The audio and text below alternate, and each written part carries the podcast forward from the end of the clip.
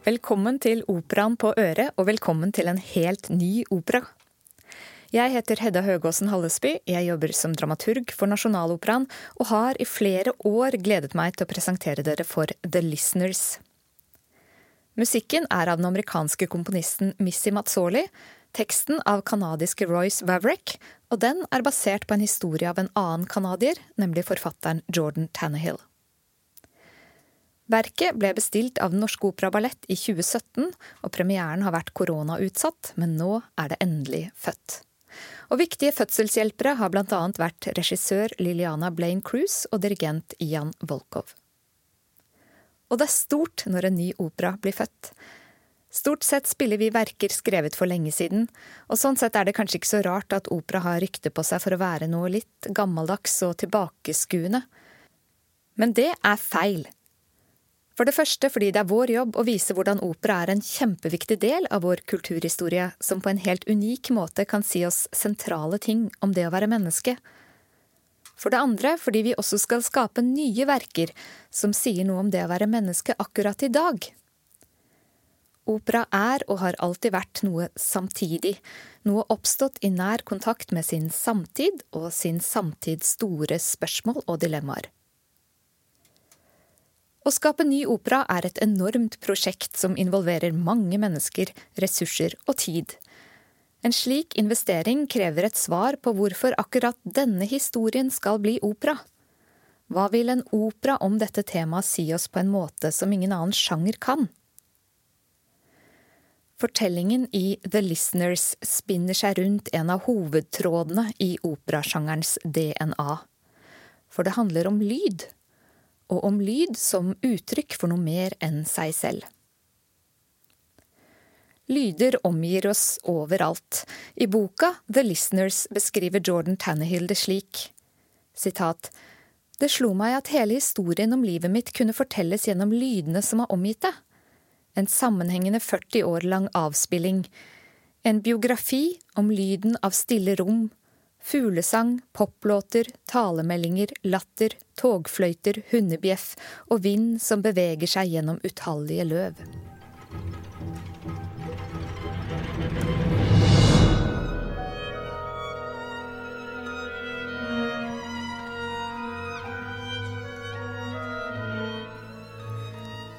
Lyd er egentlig trykkvariasjoner i luft. Det er ren energi, men med en enorm betydning for oss.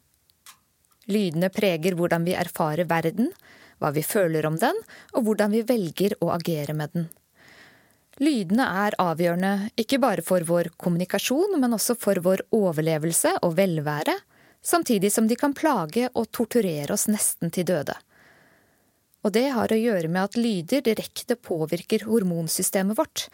De utlyser godhormonene endorfin og dopamin når vi hører stemmen til en vi elsker, eller en låt vi liker, eller stress- og angsthormonene adrenalin og kortisol når vi hører noe som stresser eller truer oss, slik at vi responderer med å slåss eller flykte. Vi mennesker blir jo ofte mye hode, tanke og intellekt, men lydenes direkte påvirkning på hvordan vi responderer, føler og handler, er et tydelig eksempel på at vi alltid også er natur, og alltid er forbundet med naturen omkring oss, enten vi liker det eller ei.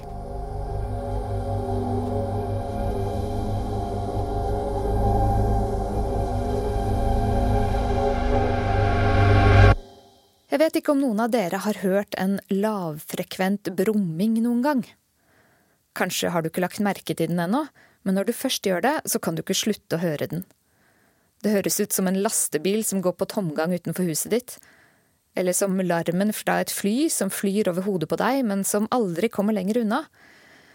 Du kan høre den når du er ute, men den virker av en eller annen grunn høyere når du er innendørs, spesielt om natta, når du ligger i senga. Kanskje holder den deg våken? Kanskje gir den deg hodepine, svimmelhet, til og med neseblod?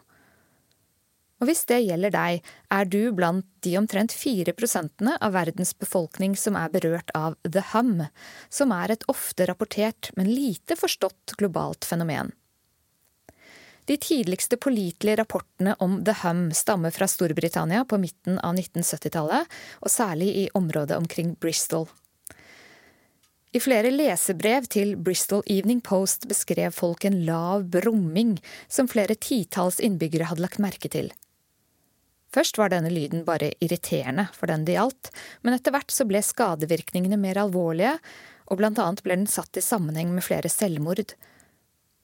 I begynnelsen trodde man at denne lyden stammet fra noen store industrivifter på et fabrikklager i nærheten, men selv da dette lageret ikke lenger var i drift, så kunne folk i Bristol fortsatt høre brummingen. Lyden sies å ligge på mellom 30 og 40 hertz, og den er hørt over hele Storbritannia, men også i Taos, New Mexico, i Auckland på New Zealand og i Windsor i Canada. Det er også flere i Norge som er plaget av denne lyden, blant annet en gruppe mennesker på Nesodden utenfor Oslo. Dette har selvfølgelig ført til mange teorier om hva The Hum kan komme av. I Storbritannia har det blitt produsert flere rapporter om fenomenet. En konkluderte med at lyden stammer fra paringsropene til noen type paddefisker. En annen mente det hadde å gjøre med dypvannsbølger og lyden de skaper når de påvirker kontinentalplatene, en tredje mente at dette er lyden av millioner av lynnedslag som treffer jorda hvert eneste døgn, og som skaper en massiv elektromagnetisk kraft. Noen tror altså at dette er naturens eldgamle urrop, mens andre mener det har å gjøre med moderne teknologi og nye påvirkninger. Og dere har sikkert opplevd den overraskende stillheten idet strømmen går, og vi innser hvor mye lyd vi har rundt oss hele tida. Slike opplevelser av at teknologien er allestedsnærværende og umulig å flykte fra, leder raskt til konspirasjonsteorier. Motstandere mot 5G-nettverket har inkludert The Hum i sin argumentasjon, mens andre argumenterer for at lyden henger sammen med myndighetenes forsøk på å kontrollere sine innbyggere.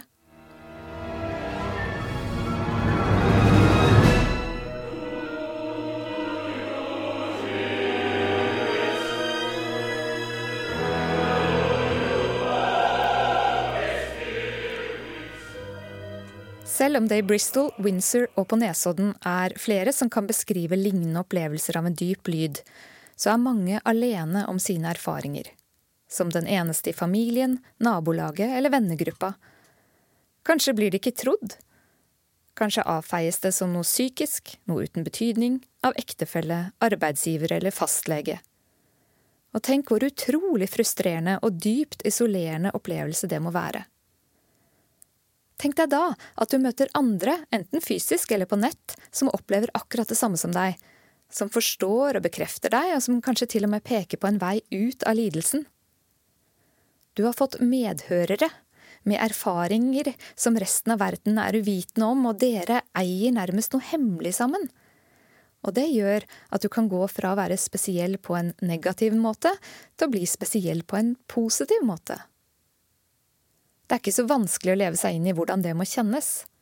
Og det gjør det kanskje også lettere å forstå både hvordan konspirasjonsteorier, kulter og sekter blir til. Og kanskje kan det igjen gjøre at vi ser og forstår tendenser i oss selv. At vi ser hvor viktig det er for oss å bli sett og hørt. Og det er det The Listeners handler om, vel så mye som det handler om lyd eller fenomenet The Hum. Som alltid i opera så peker lyden utover seg selv, den betyr noe mer, og i The Listeners blir det ekstra tydelig. Vår hovedperson er læreren Claire i en forstad i sørvestlige USA. Hun er gift med Paul og har datteren Ashley, og de bor i et område bygget midt i en karrig ørken. Bakenfor stakittgjerdene og basketballnettene lurer prærieulvene og villmarken, noe som gjør grensen mellom kultur og natur veldig tydelig her. Men samtidig som de og vi mennesker ofte prøver å kultivere og kontrollere denne naturen, så truer den med å slå tilbake. Og Claire hun skremmes av de dyriske sidene hun erfarer ved seg selv. Det er noe vilt og ukontrollerbart der inne, og det framkalles og forsterkes av den lyden hun hører og som ingen andre tror på. Det vil si, helt til hun får vite at en av elevene hennes, Kyle, opplever det samme. How do you murder a sound that no one else hears? spør han henne etter en skoletime og en essayinnlevering som har gått til helvete, og hun vet akkurat hva han snakker om. Plutselig er de to som hører og som kan støtte hverandre, og de to finner raskt flere. Kyle har nemlig sett en video på nett av en gruppe mennesker som hører en dyp lyd, og som møtes fysisk hver mandag og torsdag.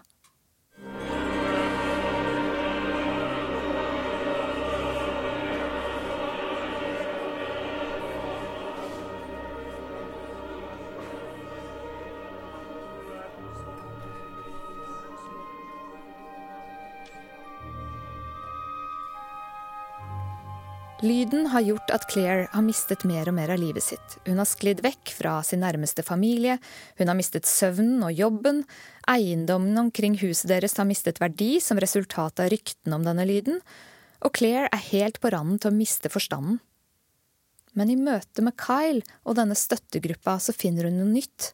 Hun finner fellesskap, sympati og en forståelse av denne lyden ikke som en plage, men som en gave. Og den som skaper denne endringen, er primært gruppas leder, den karismatiske Howard Bard. Og The Listeners møtes hjemme i hans store hus. Ifølge hans assistent og nestkommanderende Angela er han filosof, og han overbeviser de han tar under sine vinger om at det de opplever er noe helt spesielt, at de skal la tonene sine klinge sammen til en større harmoni.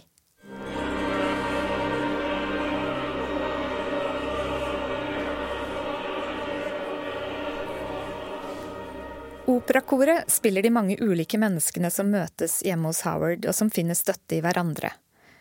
I harmonien de skaper, blir disse stemmene til noe større enn summen av delene. Men også denne lyden, lyden av enkeltstemmene som finner sammen, kan peke på noe utover seg selv.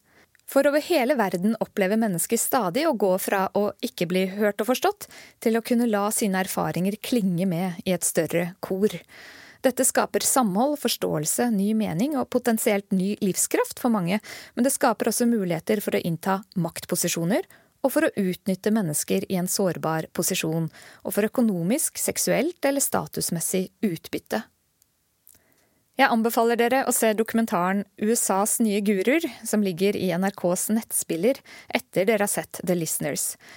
Da virker historien i operaen ganske mild i forhold til virkeligheten. I dokumentaren møter vi annet sjaman Durek, og han sier hele verden vil oppdage at guruene har makten. Han mener nok det som et forsvar for slike som ham selv og det de bidrar til i menneskenes liv, men i lys av fortellingen vi møter i The Listeners, får dette utsagnet en ganske annen betydning. For Howard Bard, som leder The Listeners, gir ikke dem bare ny forståelse, et varmt hjem og en mulighet til å retolke lyden de erfarer til noe positivt.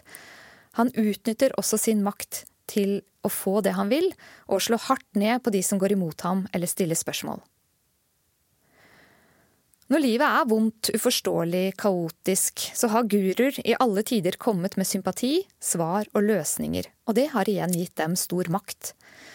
Kanskje er tendensen ekstra tydelig nå, hvor vi både har mulighet til å google egne symptomer og problemer, vi har utallige diskusjonsfora på nett, og vi har sosiale mediers kraft til å nå bredt ut til mange.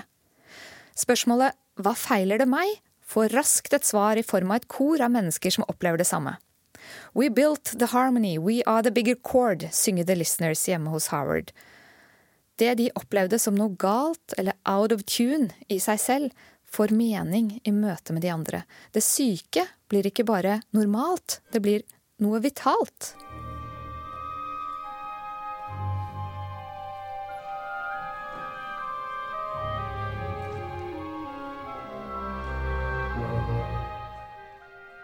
Og her er vi jo inne på spørsmålet om hva som er sykt og hva som er friskt. Og det skillet er ikke svart-hvitt. Akkurat som det å definere hva som er normalt, ikke er enkelt. I 1948 lagde Verdens helseorganisasjon en definisjon av helse som en tilstand av fullstendig fysisk, psykisk og sosialt velvære. Ut fra den definisjonen er nok de fleste av oss syke. For er det mulig å oppleve fullstendig velvære innenfor alle disse områdene samtidig? Og er det i det hele tatt et mål? Hva som er sykt, defineres både av legevitenskapen og av den enkeltes opplevelse av egen helse sett opp mot omgivelsene sine som målestokk. Og begge deler kan få ganske utrolige konsekvenser. Legevitenskapens definisjonsmakt kan gjøre vanlig friske mennesker til pasienter, og jeg kan bare minne om at fram til 1977 var homofili en diagnose i Norge. Verdens helseorganisasjon fjernet først homofili som sykdom i 1990. Men opplevelser av egen helse kan også skape sykdommer som man ikke finner vitenskapelige forklaringer på. Såkalte kulturdiagnoser er sykdommer som dukker opp og blir hyppig anvendt og populær i en bestemt tidsrom, for så å forsvinne igjen. På 1880-tallet ble både Norge og Europa rammet av en hysteriepidemi. På det meste var en tidel av pasientene på Gaustad innlagt med diagnosen hysteria eller insania hysterica. Symptomene var annet uforklarlige lammelser, kramper, spasmer og besvimelser, kombinert med en teatralsk oppførsel og en utagerende væremåte, og dette gjorde disse pasientene spennende å se på, både for legene og for andre skuelystne. Og det er nok en grunn til at det finnes så mange hysteriske kasus i operahistorien.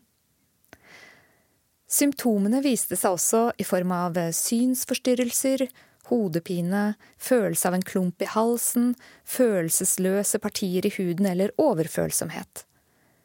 Enkelte hadde også hallusinasjoner og vrangforestillinger.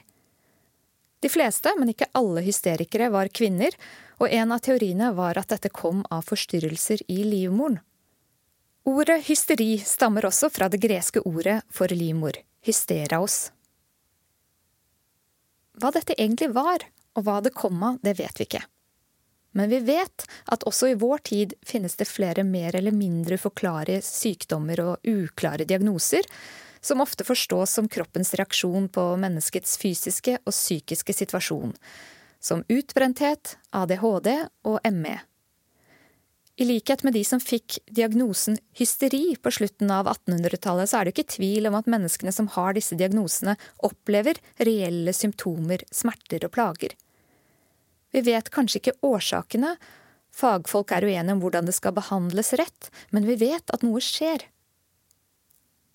Og det greske ordet symptoma betyr rett og slett det som skjer. Symptomer er ens egen erfaring av at noe skjer i en selv, en subjektiv opplevelse av at noe er unormalt.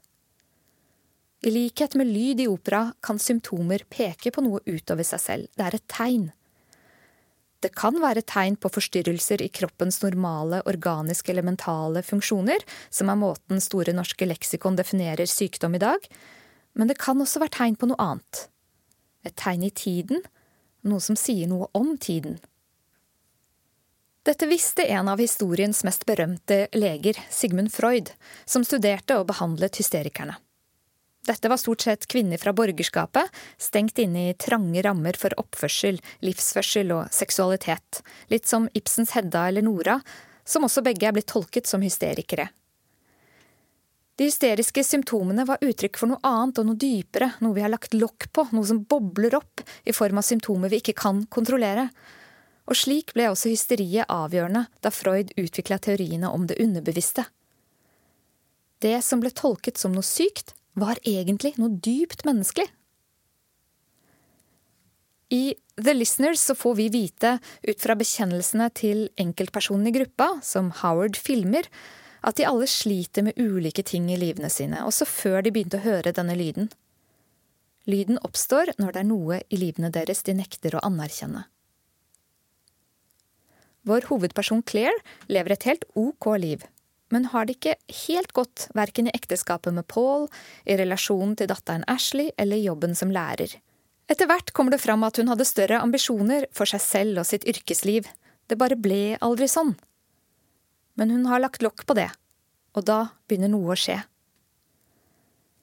I boka The Listeners en skikkelig page-turner som vi selger i operabutikken, så trekker Claire parallellene til hysteriet selv og til kvinnehistorien når hun sier i øynene til familien min, de som elsket meg mest, så var jeg nå det hysteriske subjektet.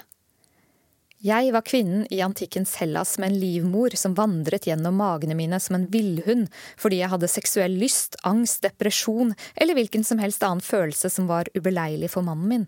Sitat slutt. I operaen blir møtet med villhunden konkret i form av en prærieulv som lusker rundt i nabolaget til familien Devon. Claire identifiserer seg med den og spør om de kan rømme sammen når hun i begynnelsen av operaen møter den utenfor huset i totida om natta.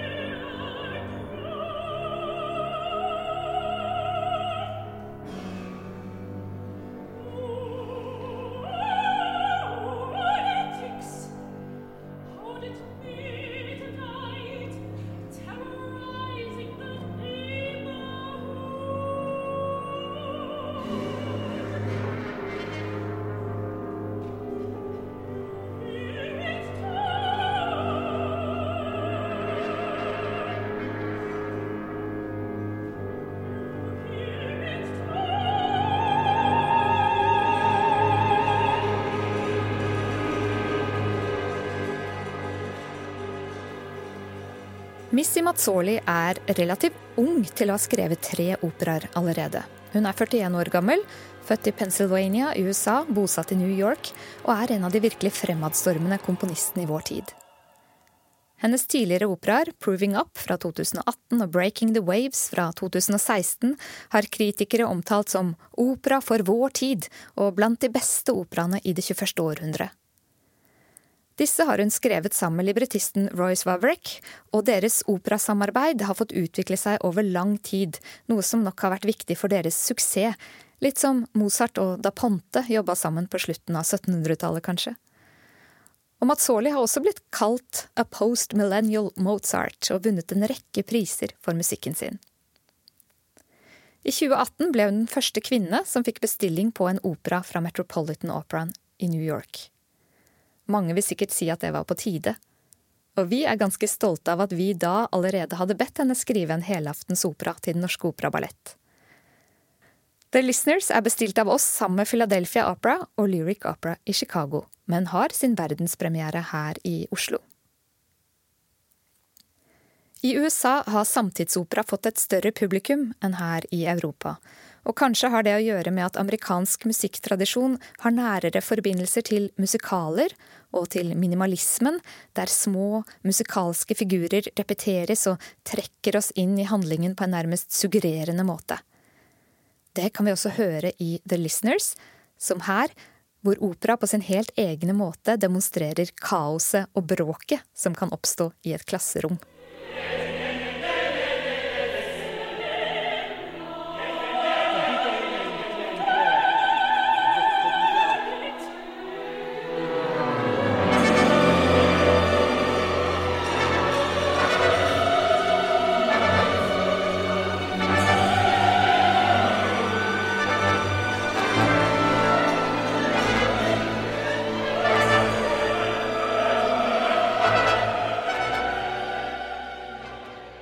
Kanskje kan suksessen bak ny amerikansk opera forklares med at komponisten har stått noe friere til den modernistiske tradisjonen enn vi har her i Europa.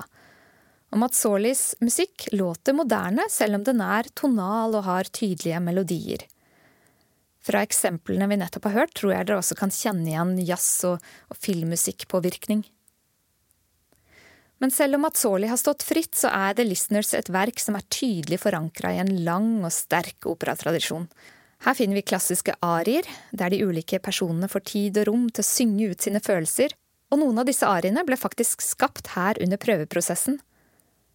Her er også store korpartier og musikalske mellomspill som binder scenene sammen.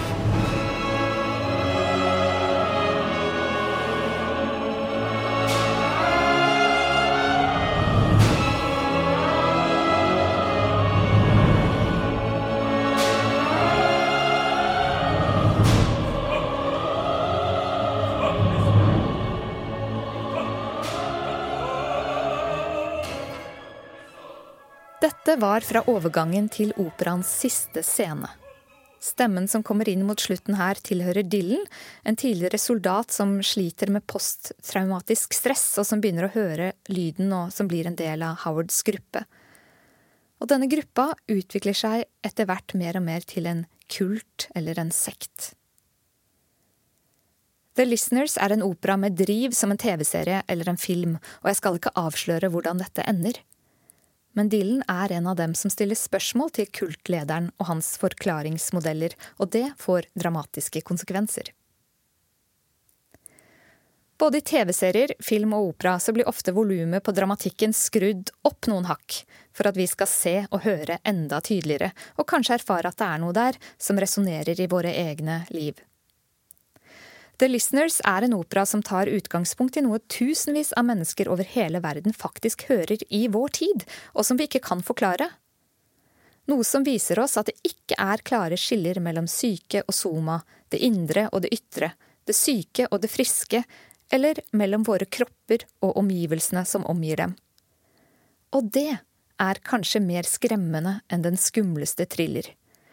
Når vi som liker å tenke at vi har kontroll, må innse at vi egentlig ikke har det. Og det igjen gjør oss sårbare for de som vil utnytte vår sårbarhet.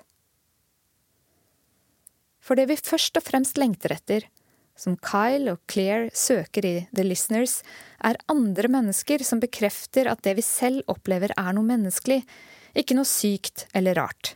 Vi lengter etter å bli sett, hørt og forstått. Dette har opera i hundrevis av år formidla gjennom lyd, som entrer kroppen og sjela på en annen måte enn ordene. Musikken og stemmene, som fletter seg sammen i kor, kan fortelle oss at vi ikke er alene om redselen, frustrasjonen eller erfaringen av hvor vanskelig det kan være å være menneske i en verden vi ikke kontrollerer. Vi hører, og vi kjenner at vi hører til. Jeg ønsker dere en meningsfull opplevelse i operaen med den helt nye operaen The Listeners.